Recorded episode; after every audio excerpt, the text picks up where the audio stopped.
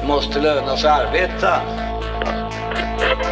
Det är väl den typ av inblandning vi kan ta ansvar för. I övrigt är det ju arbetsmarknadsparter som sätter löner i Sverige. Sticka en nål i en arm i Italien eller i Sverige borde inte vara jättestor skillnad egentligen. För mig är det viktigt att vi har verktyg och redskap om det är så att konjunkturen vänder.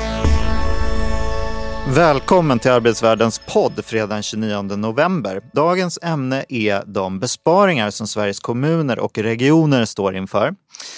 Åtta av tio kommuner planerar att spara på verksamheten nästa år är en av alla de nyheter som har sköljt över oss. Vi ska prata lite om hur det här slår och eh, vad man bör göra eh, åt det. Och eh, så ska vi ha självklart, när man stannar till slutet, en spaning som faktiskt ersätter en jobbig värld den här gången. Ska vi berätta varför?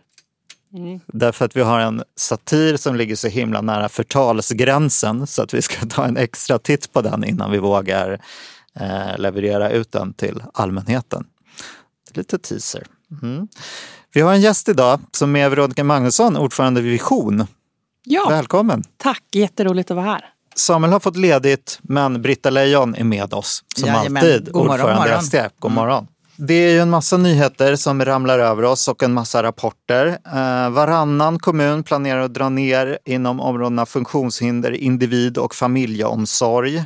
100 varslas på SÖS, Södersjukhuset i Stockholm. Och 600 har redan varslats på Karolinska. Eh, Danderyds sjukhus ska spara 300 miljoner kronor, Södertälje sjukhus ska spara 500 miljoner kronor och i grundskolan är det samma nyheter. Var tionde anställd på Malmös grundskolor kan försvinna efter jul på grund av nedskärningar, kan man läsa. Tankesmedjorna Arena Idé och eh, tankesmedjan Balans har ju granskat ekonomin också i äldreomsorgen och ser att eh, äldreomsorgens resurser minskas med minst 1,4 miljarder under nästa år. Och de är inne på det här att det finns inga riktiga handlingsplaner för hur man ska bete sig utan eh, det som det talas om är effektiviseringar och att personalen ska lösa problemen med kreativitet som de uttrycker det. Ja, Veronica, mm. jag börjar med att fråga dig. Hur, berätta lite om vilka är medlemmar i Vision och hur påverkas de av det här?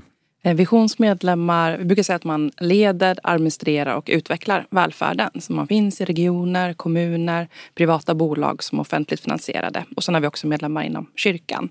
Men merparten är ju inom kommuner och regioner eller verksamhetsfinansierade där. Och Eh, man jobbar med, man kan vara första linjens chef, väldigt stor del av våra medlemmar är chefer. Eh, man kan ha olika administrativa yrken, medicinska sekreterare, tandsköterskor, administratörer i kommuner och väldigt många handläggartjänster, socialsekreterare bland annat. Så man finns i en bredd. Vi har ungefär 3000 titlar inom vårt eh, område så att det är väldigt, väldigt många som finns just i de här verksamheterna där det nu börjar skäras ned och det blir tal om omorganisationer eller effektiviseringar och minskningar. Mm. Så att våra medlemmar är ju verkligen mitt uppe i det här som det nu kommer rubriker om. Mm. Och vad säger de då till er? Um, de säger att man märker av det här. Eh, inte främst kanske att det är de här stora rubrikerna om eh, varsel och neddragningar. Det ser vi också. Men framförallt att man ser att man hyvlar i verksamheterna eh, och att det kommer eh, generella eh, sparkrav eller effektiviseringar. Mm. Och att man då ska hitta eh, sätt att eh, ha mindre verksamhet eh, nästa år, eller billigare verksamhet i alla fall. Och det leder ju till att man pausar en del verksamheter. Jag pratade med en kommun igår där man inte ger stöd, inom socialtjänsten ger man inte stöd till familjer utan man har satt det på paus i sex månader. Man tar hem placeringar, alltså unga som har varit placeringar i HVB-hem eh, till exempel och försöker lösa det i egen regi istället. Eh, men också generellt att man inte, eh, man kanske inte tar in vikarier eller man bemannar inte upp om det blir vakanta tjänster. Mm. Men också en del som sagt att de här, det som inte är lagstadgat utan mest förebyggande, eh, det pausas. Mm. Och det finns det en stor oro kring eftersom att man vet att det i längden leder till mer jobb i andra delar av verksamheten. Mm. Men är inte det här något som har pågått väldigt länge? Vad är det som har hänt nu som att, som att alla talar om det här helt plötsligt? Det är ändå en, en skillnad att det är en, en inbromsning i eh, konjunkturen nu. Eh, man pratar om mild lågkonjunktur eller att på något sätt att det... Så att den här att det sker på så många ställen eh, samtidigt skulle jag nog säga är nytt och att vi är på väg in i ett, i ett skifte där. att det är så pass många kommuner och regioner som, som ser att de behöver dra ner på det här sättet. och vi har ju haft många år nu av, åtminstone kommunerna, eh, ganska god ekonomi. Regionerna har ju haft dålig ekonomi eh, hela tiden i princip. Mm. Eh, men i kommunerna eh, och det har främst handlat om att hitta personal. Eh, och det är också det som är en väldigt speciell mix just nu att eh, kompetensbristen finns fortfarande kvar. Att arbetsgivarna är väldigt oroliga för hur man ska hitta kunna bemanna upp eh, med kompetens på olika tjänster samtidigt som man också drar ner. Och det, eh, fördelen där är ju att folk kommer behövas men kanske inte just på de jobben som man har nu. Och då har vi som fack en jätteviktig roll att jobba med omställning och att eh, kräva av arbetsgivaren att ha en, en plan. Ja, vad är det som händer då? då? Vilka är det jobb är det som behövs mer av och vilka är det som det har råds med mindre av? det är väl väldigt få som det har råds med, eller som det är många som det har råds med mindre av men de behövs ju fortfarande för att verksamheten ska fungera. Eh, men förhoppning, det som eh, många liksom skriver i samma mening som man ser, vi ser behov av effektiviseringar så skriver man ju också att man vill hitta nya digitala lösningar. Mm. Och vi kan ju se en risk med att eh, om man bara pratar om digitalisering som en effektivisering mm. så kommer det finnas ett motstånd och eh, vi vet också att det kommer behövas Alltså när man ska införa bra digitala verktyg och jobba med verksamhetsutveckling då kräver det ganska stora investeringskostnader. Så att det är ingenting som du ser på liksom, det här års budget eller nästa års budget att det blev mindre kostnader. Mm. Och där ser vi behov av ett statligt Eh, ansvar att klara de här puckelinvesteringarna. Eh, men just när det gäller vilka tjänster, det är ju fortfarande brist på eh, socialsekreterare till exempel. 44 procent av landets socialchefer säger att de är oroliga för hur de ska klara rekryteringen. Medicinska sekreterare är bristyrke. Tandsköterskor är brist på på många håll. Och vi vet också att det till exempel på chefstjänster så är det väldigt hög omsättning på de rollerna. Ehm, så det kommer, och det man behöver göra då är ju att jobba med att, att man behöver ha en plan för vad ser man för kompetensbehov om två år, fem år, tio år och sen ta hand om den personal som man har. Mm. Eh, och där kan jag vara väldigt kritisk till exempel till hur man gjorde på Karolinska nu när man går ut med ett varsel med 550 eh, personer inom eh, olika yrkesgrupper där visionsmedlemmar finns. För det första så säger man att eh, vården inte kommer påverkas för det är bara administrativa tjänster vilket är såklart helt absurt för administrationen är en förutsättning för att allt annat ska funka för att vi ska få kallelser, vi ska få remisser, man ska få rätt förutsättningar för vårdnära personal att göra sitt. Eh, vilket skap, men ett sånt varsel skapar ju en väldigt stor oro eh, och en kompetensflykt. Eh, så att väldigt snabbt är det ju väldigt många som väljer att lämna en arbetsgivare som signalerar att de inte vill ha en. Eh, och det är också de som har lättast att lämna som lämnar snabbast. Mm. och nu i... Och vart går man då?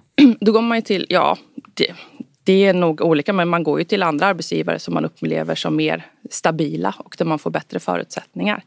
Um, och nu i veckan så kom det siffror på att av de här 550 så är det ungefär 40 tjänster nu som man ser som kan, faktiskt kommer beröras. För att det är så pass många som har uh, löst via pensionsavgångar eller via att man har slutat självmant. Och då har man ju skapat en, en oro eh, och en instabilitet på arbetsplatserna som jag ser att arbetsgivaren kunde hantera på ett annat sätt. Mm. Hörrni, innan vi går in på, alltså ni har ju eh, både era förbund och genom TCO, centralorganisationen, olika program och eh, politik för hur välfärden ska utvecklas till viss del. Men säg någonting om varför det här är en facklig fråga. Både liksom Såklart, ni har ju förstås förklarat att det rör era medlemmar och sådär, men också på ett liksom politiskt plan, hur ni upplever det. Mm. Det handlar ju om att Visionsmedlemmar ska ha förutsättningar att göra sitt jobb och vårt uppdrag är ju eh, som facklig organisation att hela tiden skapa de förutsättningarna och bidra till att skapa de förutsättningarna. Det ska kännas bra att gå till jobbet och vi vet ju att de allra flesta av visionsmedlemmar de tycker om sitt jobb, de är stolta över sitt jobb. De har valt de här yrkena för att man känner att de är meningsfulla och viktiga. Eh, och på så sätt så är ju vår roll att skapa så bra förutsättningar som, som möjligt. Oftast gör vi det via arbetsplatsnära fackligt arbete via våra 12 000 förtroendevalda runt om i landet. Men det innebär ju också att vi behöver, vi kan ha en bra roll i att se sambanden och se mönstren. För det är så väldigt lätt att man i en kommun till exempel, ja ah, men det är bara det är en omorganisation nu för att vi behöver göra det här eller det är bara tillfälligt. Men om vi ser att det sker på väldigt många olika ställen samtidigt och att det är återkommande eh, ja, att man jobbar på ett, på ett visst sätt. Och där, inte minst när det gäller jämställda förutsättningar, så har ju facken haft en väldigt viktig roll i att peka på, ja men hallå, det är inte bara här i den här arbetsgivaren som lönerna har råkat bli så att eh, kvinnodominerade yrken betalar sig lägre än mansdominerade. Eller att chefer som är kvinnor har sämre förutsättningar än inom mansdominerade chefsyrken. Och att kunna lyfta blicken där och säga att här har vi ett system fel. Eh, och likaså är det ju mycket i välfärdens utformning som vi kan se och påtala att här eh, behöver vi tänka på ett annat sätt eller de här lösningarna finns. Och där ser vi nu att vi har en viktig roll när det gäller eh, ja, framtidens arbetsliv kopplat till eh, digitalisering, automatisering och att framförallt så finns det en eftersatthet där som man nu måste hantera. Att man inte har använt tekniken tillräckligt tidigt och på ett tillräckligt bra sätt. Och mm. hur ska man nu ta sig till nästa steg utan att eh, tappa liksom, folk och verksamhet på vägen. Mm. Så att ja, vi, det där känns som vi borde ha en podd om mm. just eh, digitala lösningar och mm. Eh, både mm. möjligheter och risker faktiskt. Eh, Britta? Det, det, det, liksom varför, är, fackligt, varför är det facklig varför fråga? Är en facklig fråga? Ja, men jag kan börja i den änden med att säga att i mitt förbund så arbetar vi efter en vision som är så här. Tillsammans skapar vi ett hållbart arbetsliv och ett demokratiskt samhälle.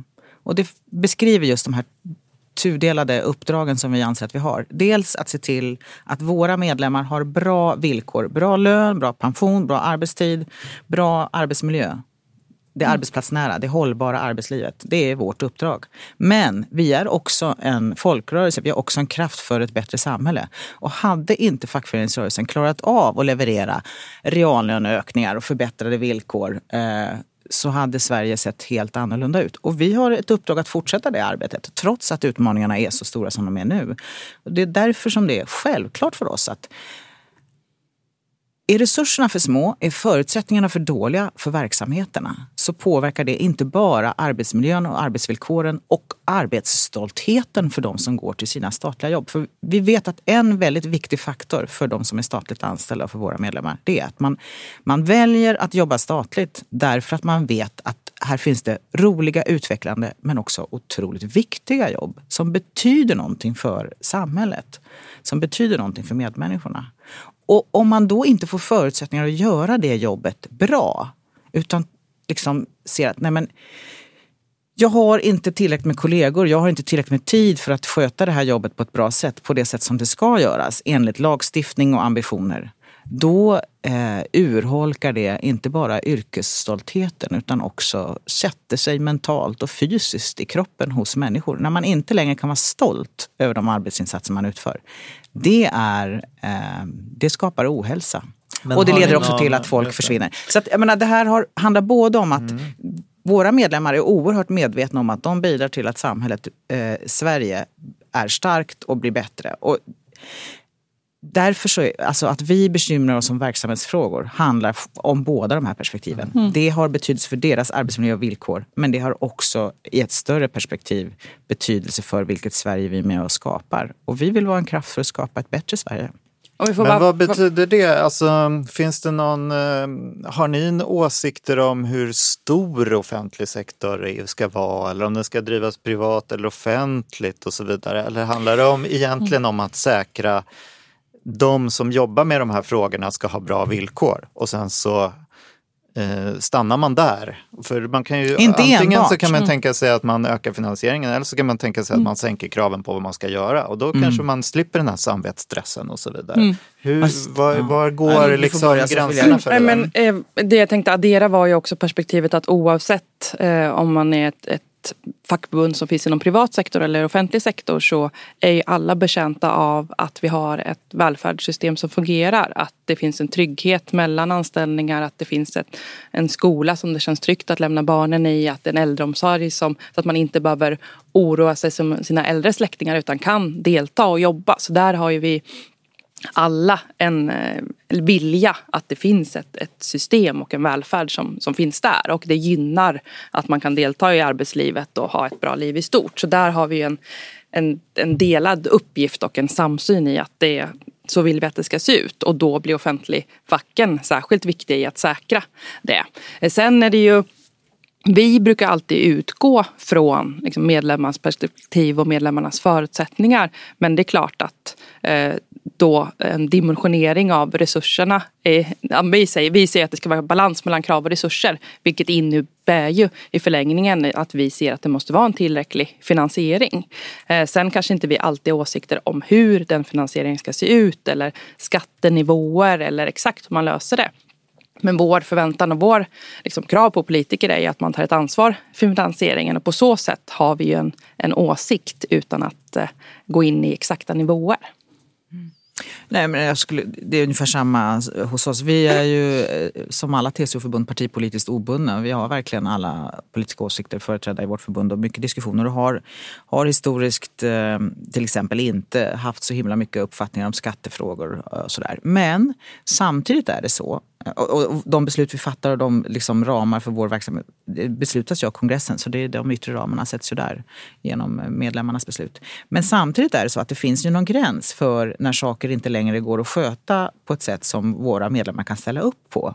Precis som Veronica säger. Så till exempel så har vi ju nu sett alldeles för många exempel på att sta- viktig, för nationen viktig eh, verksamhet som, som har riksintresse, en statlig verksamhet som outsourcas och som man inte längre av liksom, säkerhetsskäl har koll på hur uppgifterna handskas med, Transportstyrelsen. Eller eh, att man inte har, eh, jag menar, som, det finns tusen andra exempel på när outsourcing inte längre eh, riktigt funkar. I förra podden pratade vi om SCB och arbetsmarknadsstatistiken. Det finns många exempel. Så vi har ju alltid sagt att det vi anser är kärnverksamhet i den statliga verksamheten, den ska utföras av statstjänstemän. Den ska man liksom inte leja ut till någon annan. Den ska man ha kontroll över. Det ska vara utbildade statstjänstemän som har kunskap om vilket regelverk som gäller.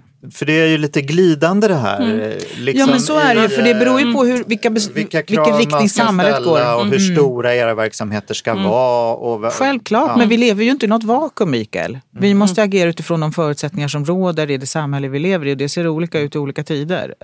Ytterst är det våra medlemmar som bestämmer vad vi ska tycka och lägga oss i, förstås. Vi är en medlemsstyrd organisation.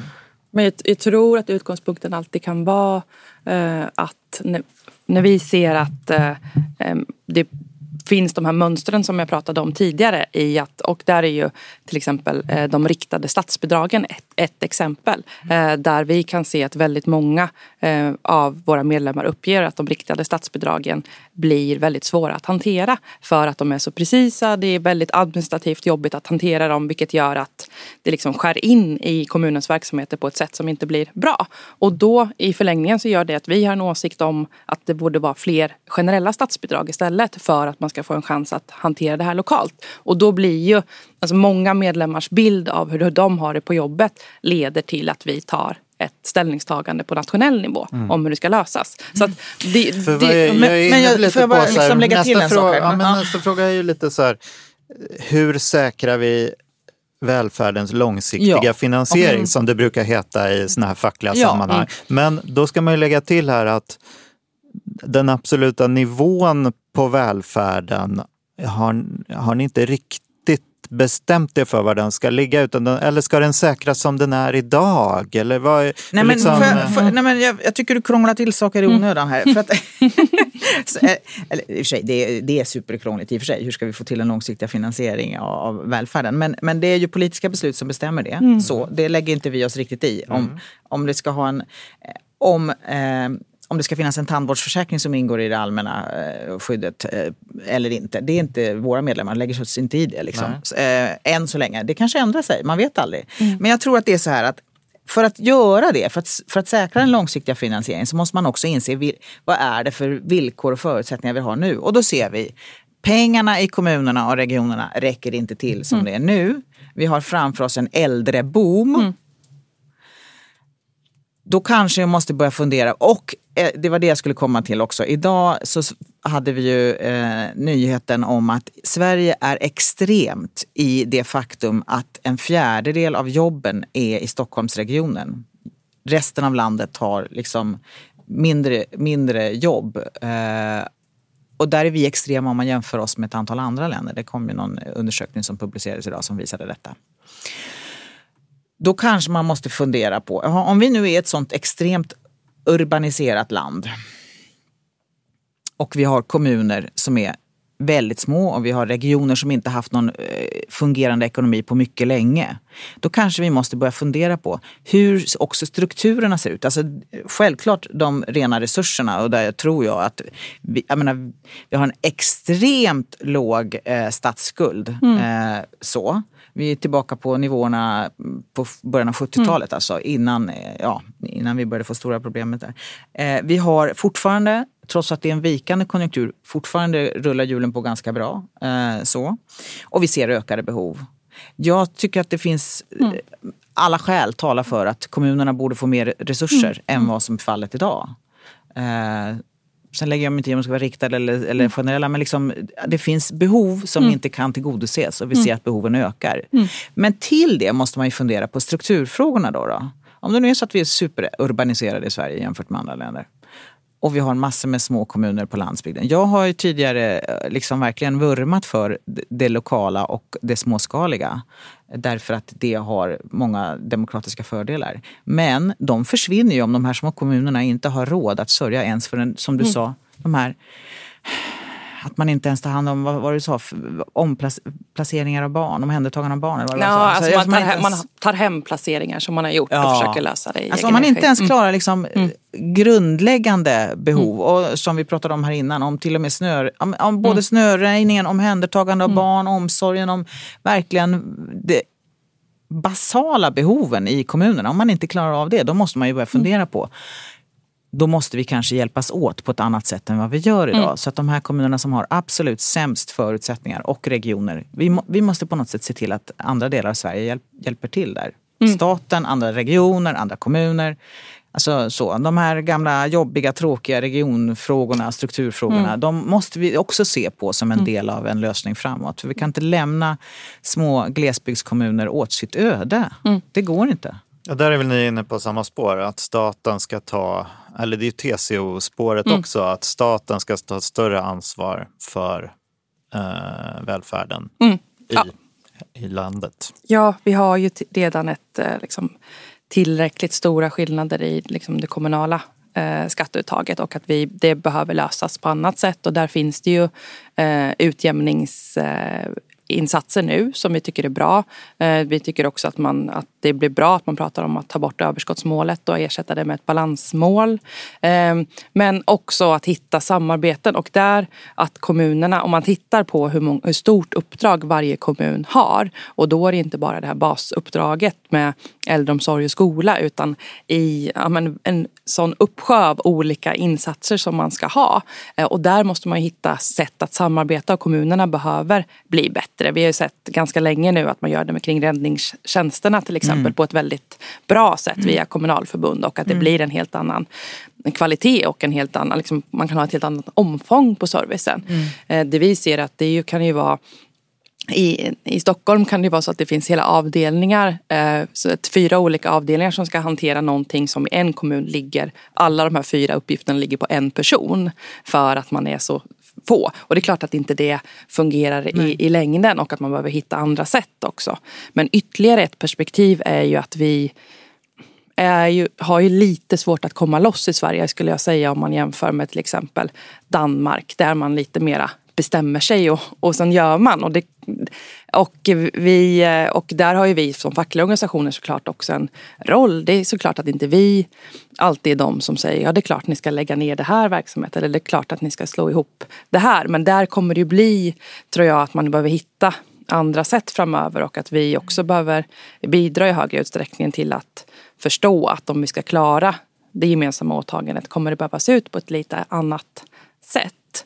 Eh, och för politiken, det kan vi väl också se kopplat till lokala budgetar. Att istället, och det får vi rapporter om från medlemmar, istället för att våga ta det där jobbiga beslutet om att lägga ner en byskola eh, till exempel, som möts av enorma protester och det blir väldigt eh, eh känslomässigt starkt och väldigt mm. svårt för lokala politiker att ta det beslutet, så lägger man ut generella effektiviseringar istället. Eh, och man kan förstå att man gör det samtidigt som om man ser på verksamheten i stort så kanske det är några sådana beslut som man måste ta för att få en verksamhet som fungerar. Och det, alltså det är ju likadant inom statlig ver liksom, verksamhet och på liksom, hur hög lokal närvaro man ska ha eller hur, hur, hur ska servicen se ut? Om den är tillgänglig för alla, innebär det att det alltid är ett lokalt liksom, fysiskt kontor eller andra saker? Förklara en gång till, vad är det man gör i Danmark som du tycker är bra? Ja, men där har man ju eh, jobbat med eh, kommunsammanslagningar på ett eh, annat sätt. Eh, vi ser också att eh, om man jämför med fackliga kollegor så har man bara sagt att ja, digitaliseringen kommer komma. Nu får vi se till att ställa om så att vi anpassar oss till det. Ja, men lite mer så här det här eh, och lite snabbare beslut skulle jag säga också. Vi vet ju hur det har varit med regionfrågan här. Att det liksom är jättestora utredningar och sen så så staten har satt ner foten på ett hårdare ja, sätt och mm. styrt mer helt enkelt? Ja. Mm. Danmark är det nya Sverige? nej, det är väl inte, nej, ja, jag vet inte om Sverige har varit så eh, någon gång. Men det är ju liksom... Jag tänkte det här att vi kommer överens och så gör vi. Jaha, ja precis. Ja men det, det är det vi kommer behöva göra inom en rad olika frågor. Komma överens och sen göra. Mm. Och eh, vi är ganska, vi är så mycket om oss och kring oss. Och det kan väl inte bli si och det kan väl inte bli så. Det gör att det går lite för långsamt ibland. Mm. Mm. Men hörni, det är ju en jättestor debatt det här nu mm. om hur vi ska finansiera välfärden, vilken nivå den ska ligga på. Eh, jag kollade till och med på ett, eh, en eh, debatt här mellan Daniel Suhonen från fackliga tankesmedjan Katalys och Karin Svanborg Sjövall från Timbro nyligen, igår, en debatt i SVT. Eh, där man diskuterar just Timbros nya skatteförslag och förslagen till eh, mer, mer privata inslag och mer privat finansiering av sjukvården. Får jag bara bryta in bara? Daniel, du säger att eh, pengarna är problemet, men det är inte riktigt där du ser problemet? Nej, absolut inte. det här är inte ett system som är långsiktigt hållbart. Och det är därför som vi tycker att det vore bättre ifall man gick över till ett system som byggde på obligatoriska försäkringar som man har till exempel i Holland eller som man har i Schweiz, där man också frigör privat kapital. För jag skulle å andra sidan säga att du har ju orsakat en massflykt av kapital som hade haft en enorm användning i svensk välfärd idag. De här riskkapitalbolagen som du har ägnat dig åt att hata har ju byggt massor med verksamhet. Oj, vilken mm. debatt! Mm. ja, men det illustrerar Man ju Man undrar ju här... vad hon bygger sitt statement på att det här är inte långsiktigt hållbart. Ja, det är väl kanske deras... Eh, ja, det, vi kanske inte ska gå in... Jag vet inte om man ska recensera, men de har ju ett förslag med, mm. där man har ungefär 250 jo, miljarder mm. eh, sänkt skatt per mm. år. Mm. Och eh, då är det klart att det räcker inte till de behov kanske då som vi har vant oss vid ska täckas av statlig, Nej, det är klart, då har man mm. det statlig finansiering. Mm. Eh, men, men vad jag vill komma in på är ju lite det här med om, ni, måste ju, ni har, har ju tagit ställning till demokratiska liksom, beslut era organisationer. Samtidigt har ju Svenskt Näringsliv genom Timbro dundrar ju på liksom, och tar mm, en ställning. Mm. Och det är ju det är väl risk att det kommer gå i den här riktningen. Saco har, har ju också, vill också ha en utredning om den långsiktiga finansieringen av välfärden. Mm. Man kan väl, nu är inte Saco här, men man kan väl ändå misstänka att det finns eh, inslag av privat finansiering där. Och jag menar om, man, om det här är en facklig fråga, mm. riskerar mm. ni att bli överkörda? Liksom? Eller, det finns väl en risk att vi inte kan vara tillräckligt med eh, eh, drivande eh, i och med att vi eh, värnar om vårt partipolitiska oberoende. Absolut.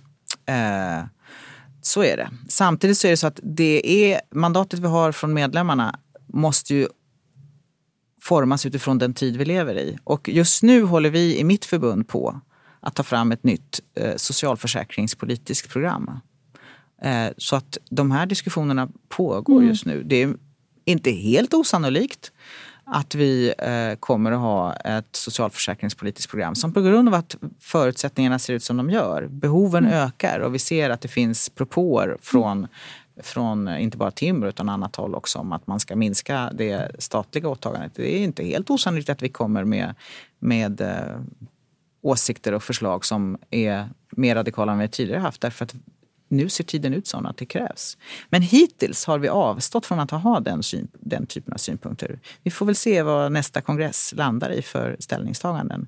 Så att det är det jag menar. Ja, den risken är uppenbar. Samtidigt så är, eftersom vi är partipolitiskt oberoende så måste vi hämta vårt, precis som Veronica säger, mandat utifrån de diskussioner vi har i våra medlemsgrupper.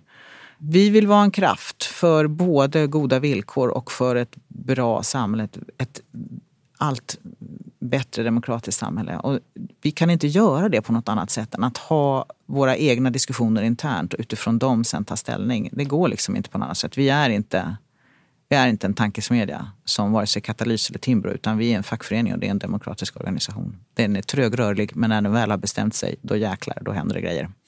Mm. Och vi, alltså det, jag tänker också att via allt arbete som vi gör hela tiden på arbetsplatserna så påverkar ju och formar vi i väldigt hög utsträckning mycket mer än att vi att jag skrev en debattartikel på DN Debatt om hur jag tycker att skattesystemet skulle se ut. Så att, och vi har ju åsikter om lagstiftning, vi har åsikter om eh, dimensionering, om förutsättningar. Så att det är ju inte så att vi säger till politiken, åh ni får göra vad ni vill. Utan, men vi utgår från vad vi ser på arbetsplatserna och medlemmarnas uppfattning om hur de, vilka förutsättningar de behöver för att göra Vad sitt har ni jobb. för åsikter om dimensionering då?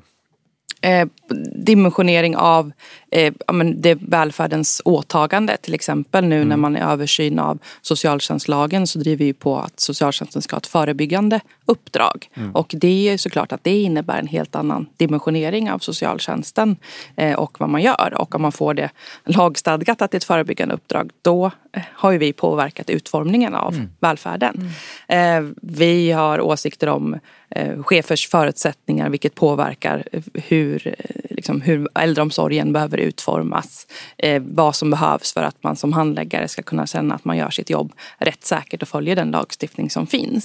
Och där är det hela tiden har ju vi en jätteviktig roll i att påkalla uppmärksamhet. Vilket vi gör nu i många fall. Att man ser att så som lagstiftningen ser ut så sitter eh, liksom, våra medlemmar ytterst och prioriterar mellan olika typer av lagstiftning vilken man ska Så, är göra. det, så det är våra Ja. medlemmar också. Ehm, och, ja, och, så där har ju vi en jätte... Och mycket av det här formas ju av lokala politiker och där har ju vi liksom jättemycket arbete gentemot. Så att, eh, att eh, jag kan absolut hålla med om att vi inte så här sitter och tänker ut exakt så här borde systemen utformas men att vi påverkar systemen inifrån i väldigt hög utsträckning. Det tycker jag absolut att vi gör och att den rollen som både eh, att bidra till lösningar men också att vara watchdog i många situationer är jätteviktig. Mm.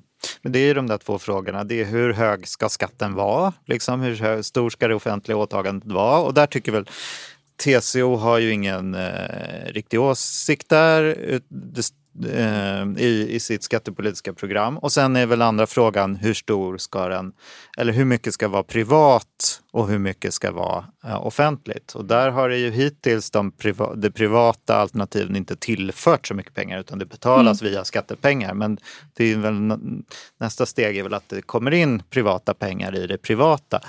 Har ni några ställningstaganden där eller är det liksom, Nej men det är som du säger när det gäller skattenivån så har inte TCO haft, eh, haft det utan däremot har vi sagt att det måste finnas tillräckligt med resurser för att, för att finansiera välfärden. Eh, men jag skulle vilja säga att jag, alltså det är, återigen, vilken tid lever vi i? Eh, och det är bara att konstatera att automatiseringen leder till att eh, allt fler ut, uppgifter utförs av maskiner. Eh, Det för mig är två saker som det innebär. Så småningom om vi ska klara av att finansiera välfärden måste vi beskatta maskinerna på något sätt. Alltså så. Eh, Hur då? Ja, det vet jag inte. Men, men liksom, det finns ju ändå diskussioner som pågår också i EU om... om, om, om eh, Men det är ju ingen ny diskussion. Den fanns ju redan i början på förra seklet också. Eh, liksom. Så att eh, när man då såg den typen, den tidens nya maskiner som kom in, sen Mm. blev det inte så mycket av den varan. Men jag tror att den här diskussionen Men brukar behöver- inte den avfärdas ganska mycket som en idé som går... Alltså man vill väl ha digitalisering och eh, fler bra Absolut. maskiner. Då ska man väl inte beskatta dem? Nej.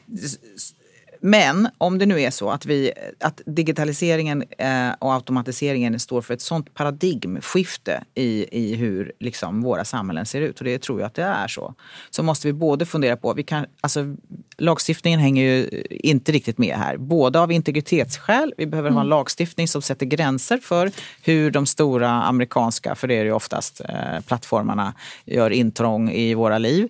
Och vi också måste börja fundera på hur ska vi se till att de inte bara, att de också bidrar till de samhällen som de är beroende av. Jag menar det, Facebook och Amazon skulle inte kunna ha en enda, det skulle inte hända någonting om de inte hade en massa utbildade människor som bidrog med sin kreativitet och kunskap. Och var har de utbildats någonstans? Okej, men det var Mm. mer företagsskatt du var inne på än liksom att beskatta olika typer av insats eh, i, i ekonomin, eller vad man ska Ja. säga. Jag har inte eh, tänkt eh, igenom det där så på den detaljnivån så att jag har något färdigt förslag. Men jag, för mig innebär det faktum att vi har en förändrad arbetsmarknad, helt, att teknikutvecklingen ställer oss inför helt nya frågor. Att vi måste också börja fundera på skattesystemet ur nya perspektiv. Och den andra saken jag skulle säga var också att ehm, det, är också, det i sig gör att jag tycker att det finns samtidigt också gränser för hur man kan beskatta mänskliga arbetsinsatser. För annars, så blir det helt, annars prisar vi ju ut förutsättningarna för människor att ha jobb. Så att det för mig är det liksom flera olika aspekter som det här innebär. Och, och där jag tror att, eh, för jag är ju liksom, eh, som ni vet som person så har jag ju liksom, eh, tycker jag att det är viktigt med tillräckligt med skatter för att kunna finansiera välfärden. Men den här utvecklingen gör att att jag tror att vi måste, vi måste när vi formulerar våra, våra kommande skattesystem måste vi verkligen tänka på de här aspekterna. Och om det hade varit så att de här kommunerna som har sämst förutsättningar att bedriva välfärd, om de hade haft lågt skattetryck, då hade ju svaret varit enkelt. Ja men för fara och hö- höj skatterna. Men så är det ju inte. Utan det är ju ofta samma kommuner som har allra högst skattetryck som också har svårast att finansiera välfärden. Som har störst eh, behov och störst problem. Eh, så att, därför går det liksom inte bara att säga att ja, men höja skatter är alltid lösningen. Utan jag tror att vi måste tänka lite eh, så att vi har ett skattesystem både på nationell och lokal nivå som funkar för morgondagens utmaningar. Vi ser ju att det liksom lagstiftade åtagandet som ju är ganska omfattande för eh, kommuner och regioner ska ju såklart lösas via liksom, välfärdsverksamheter och via offentlig finansiering. Eh, och att den huvudsakliga diskussionen kommer ju handla om vad är ett basutbud inom äldreomsorgen till exempel. Vad, vad kan man förvänta sig att ska rymmas där? Och jag tror att ett jätteviktigt steg är ju att alla ska känna att de har det finns, det, det basutbudet är tillräckligt eh, oavsett din ekonomiska situation. Och sen ah, med en växande äldre befolkning eh, som också har högre krav. Eh, och då måste man ju hela tiden väga de kraven. Är de rimliga kontra det offentliga åtagandet eller är det någonting som man måste finansiera på egen hand. Alltså det är klart att den debatten kommer vi behöva ha eh, och att den är fullt eh, rimlig. Men jag tänker att det viktiga är att, att man tar liksom, vad är basutbudet och är överens och har ett, liksom, ett handslag om det så att inte man känner att de som har råd väljer en helt egen fil och bryr sig inte om det här basutbudet. För då undergrävs ju legitimiteten. Men det låter som att du och Karin Svanborg Sjövall är ganska överens där. Man ska ha ett eh, vettigt basutbud och sen ska man kunna bygga på med privata tror- lösningar utöver det. Jag tror konflikten ligger i basutbudet och storleken på basutbudet och att vi inte är överens där skulle jag säga. Eh, så, ja. Men att, och att det är där som vi främst ska ha åsikter kring hur, hur det ska, basutbudet ska se ut och hur ska förutsättningarna vara för de som jobbar där. Men är inte lite poängen då från Daniel Suhonen kanske kan man tänka sig att bygger man, är, är det liksom inbyggt i systemet att man bygger på utifrån det där basutbudet, då sätter ju det en, eh, en annan standard Mm. som, som automatiskt leder till att man eh, ser det där basutbudet som just en ganska låg Mm. nivå. Ja, Nej, men det är det som är hela utmaningen framöver. Att, att hitta, eh, ja, hitta dem. Får jag komplicera den här diskussionen lite ytterligare? För vi har ju faktiskt haft en tradition i Sverige av att utforma våra välfärdssystem så det inte bara är ett basutbud utan också, jag tänker på a-kassan som inte längre är, men när den skapades var en, ett inkomstbortfall den skulle täcka. Jag tänker på barnbidragen som faktiskt ju alltid har getts även till miljonärerna. Så att vi har ju en tradition och det tror jag är styrkan, har varit styrkan, eh, inte bara tror, det vet vi, har varit styrkan i, eh, i det generella välfärdssystemet i Sverige. Att det är just generellt. För det bidrar till att alla, alla bidrar, alla får någonting tillbaka oavsett hur ens privata ekonomi ser ut. Det skapar en lojalitet och en till, alltså, liksom, eh, ett ägarskap från alla i Sverige till detta. Och nu har vi inte riktigt så. A-kassan var länge sedan den var där. Eh, och det är, vi ser ju också att eh, med den oreda som håller på att breda ut sig på arbetsmarknaden. Eh, tänker på att det finns eh, utnyttjande av, grovt utnyttjande av människor på svensk arbetsmarknad som inte eh, vi riktigt har koll på. Så finns det massor med hål i det här systemet nu som vi behöver se till att skapa. Vi behöver, vi behöver bygga upp vårt generella välfärdssamhälle igen. Det, det liksom är så det är. Ja men precis, det var väl det jag var inne på. Skillnaden på generell välfärd och på basutbud. Ja, men där, okej, det är väl en benämningsfråga i så fall. Att, att en generell, I en generell välfärd eller basutbud tänker jag delar som barnbidrag eller en äldreomsorg som fungerar inklusive att man har någon att prata med, att man får måltider som är helt okej. Inte bara vad som behövs. Det är liksom inte steg ett i Maslows behovstrappa utan det är ett, några steg upp där. Eh, och att man ska känna att det, det kommer vi ha oavsett ekonomisk situation på individnivå. Men en grej som jag skulle vilja lägga till eh, bara i det kommuner säger nu när man frågar varför de står inför en svår ekonomisk situation så är det 42 procent som säger att det beror på att man får fler äldre och eh, barn eh, och att den liksom, arbetsföra befolkningen minskar. Och det är bara en av tio som säger att det beror på asylinvandringen. Ändå har vi en nationell debatt som fokuserar något enormt på migrationen och gör den på något sätt till, alltså skuldbelägger den, att det skulle vara där den stora utmaningen ligger. Och där behöver vi få en förflyttning i debatten. Och det är ju ingen som säger, om, när, när kommunerna säger så, oj vi har inte råd med äldre. Det blir ju inte slutsatsen då. Medan om det handlar om migration säger man, oj vi har inte råd med människor från andra länder som kommer hit här ofta i arbetsför ålder och ganska snabbt kan börja bidra. Eh, Så där, Otroligt viktigt perspektiv Veronica. Och- Jättebra att du sa det. där behöver vi verkligen hålla i den. Och på något sätt är det ju också att påminna oss, vi har ett samhälle ihop här. Alltså alla vi är och nu har vi en situation där befolkningssammansättningen ser ut så här. Hur löser vi det? Ehm, och då kommer civilsamhälle behöva liksom bidra på sitt sätt, fackliga organisationer på sitt sätt. Eh, politiken behöver ta liksom, beslut som är tuffa gentemot hur välfärden har utformats tidigare. Eh, men medborgarna måste ju också brett visa en acceptans för den situationen på något sätt. Och där är vi ju inte riktigt just nu. Och eh, Alltså jag kan, jag kan bli orolig om vi får en välfärdsdebatt som handlar om att vi ska tillbaka till något eh, som vi inte kommer gå tillbaka till givet att vi har en annan sammansättning av befolkningen nu.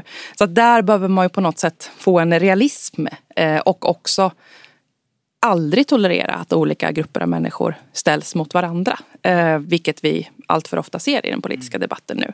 Och det är det ett förenklat och utifrån vad kommunerna säger också felaktigt perspektiv att säga att det skulle handla om migrationen främst. Eh, utan det handlar om den sammansättning som vi själva har skapat. Eh, eh, va, ja, i- men, och det är fantastiskt att vi lever längre. Men det gör också att vi måste tänka hur, hur löser vi det då, här och nu?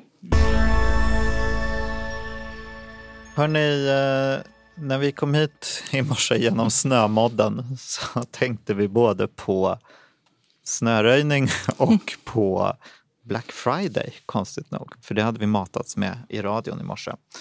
Vad är er take på dessa två ämnen? Ehm, om vi börjar med eh, Black Friday så är det ju en extremt speciell tid att leva i när det blir notiser om att EU igår eh, utlöste klimatnödläge. Eh, och det är enorma annonser och jag vet inte hur många liksom, notiser man får om att eh, konsumera eh, i oerhörda mängder. Eh, och jag ser väl att nu Jag får fortfarande väldigt mycket reklam om att jag ska konsumera men jag ser väl fler och fler som ifrågasätter eh, det rimligheten i att konsumera på det sättet som vi har gjort. Eh, Men vi har ju inte fått ihop det. Hur ska vi tänka kring eh, den klimatsituation vi har kopplat till vår livsstil? Ehm, så att Black Friday eh, tror jag är eh, har haft sin storhetstid och vi är på väg in i en period där vi fort, kommer fortsätta konsumera men förhoppningsvis på ett annat sätt. Ja, jag tror också att Black Friday mm, är säkert stort i år men jag, jag, tror att det så småningom kommer att minska lite grann. Det tror jag.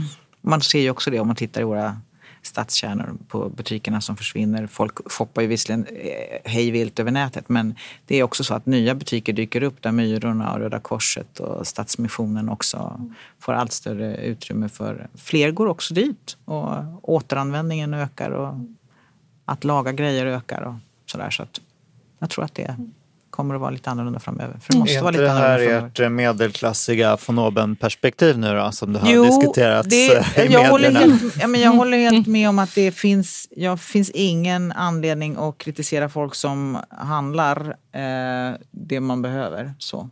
Eh, och att göra det på rea, det är väl alldeles utmärkt om man kan göra det på rea. Men det som är eh, det vi måste tänka på är att vi, liksom, att vi handlar på ett håll. Alltså att man handlar inte mer än vad man behöver och att det är hållbara grejer. Inte den här slit och släng eh, liksom, hysterin som vi har befunnit oss i väldigt länge och som bara blivit mer accentuerad på senare år tycker jag. Det är ju definitivt eh, medelklassen eh, och eh, den, liksom, väl, eh, den höginkomsttagare som kommer behöva fundera över sina konsumtionsmonster Det är ju inte främst människor med eh, sämre ekonomi. Det är, och det är likadant den här skamdebatten kring flygande eller vad som helst har ju aldrig egentligen handlat om den som ett par eh, gånger under ett, ett decennium och vill åka på en semesterresa till Mallorca. Utan det handlar ju om okynneskonsumerandet och liksom den enorma mängden av konsumtion. Som, och också en, jag tror också det handlar inte främst om konsumtionen, det handlar om en förståelse av vad den leder till. Eh, och om man börjar tänka i hela leverantörs och produktionskedjor så förstår man ju att det här kan inte vara hållbart vare sig miljömässigt eller arbetsvillkor. Det finns också arbetsvillkor eh, perspektiv när det gäller konsumtionen av elartiklar än kan vara. Jag tror inte det här skamperspektivet funkar överhuvudtaget dock. Alltså det, går, det går liksom inte, man kan, det går aldrig att skapa liksom, stora folkliga rörelser för förändring med, med skam som utgångspunkt. Utan det måste handla om att se att det finns en möjlighet att bidra till någonting bättre. Att jag kan vara med och bidra på det tåget också. Liksom. Det, det, det skapar förändring. Mm.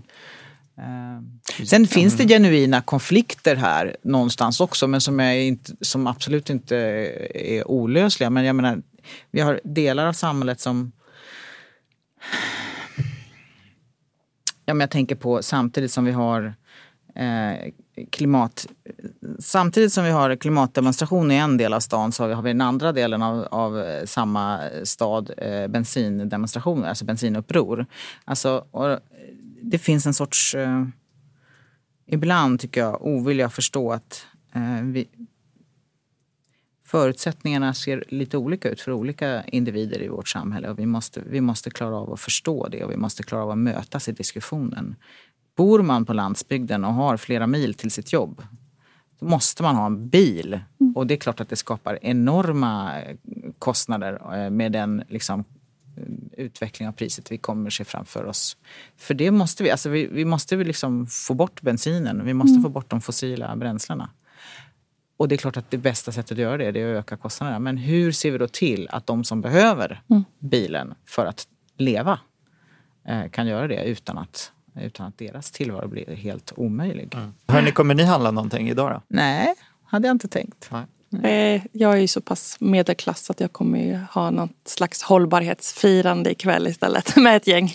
Ett, ja, så. Så det, men det är ju... Ja. En liten demonstration ja. för er själva. Nej men utbyt, vi ska faktiskt ha klädbytarkväll. Eh, kul. Ja, med ett gäng.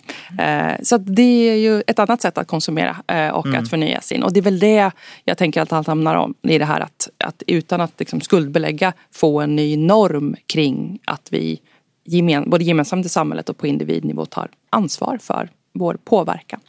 Mm. härligt tips att avsluta eh, podden med. Hörni, eh, jättestort tack för att du kom Veronica. Tack, kul att vara här. Som alltid. Eh, hörni, vi är tillbaka om två veckor igen. Och eh, glöm inte att prenumerera på oss i er poddspelare så att ni inte missar några avsnitt. Tack för idag. Tack. Tack.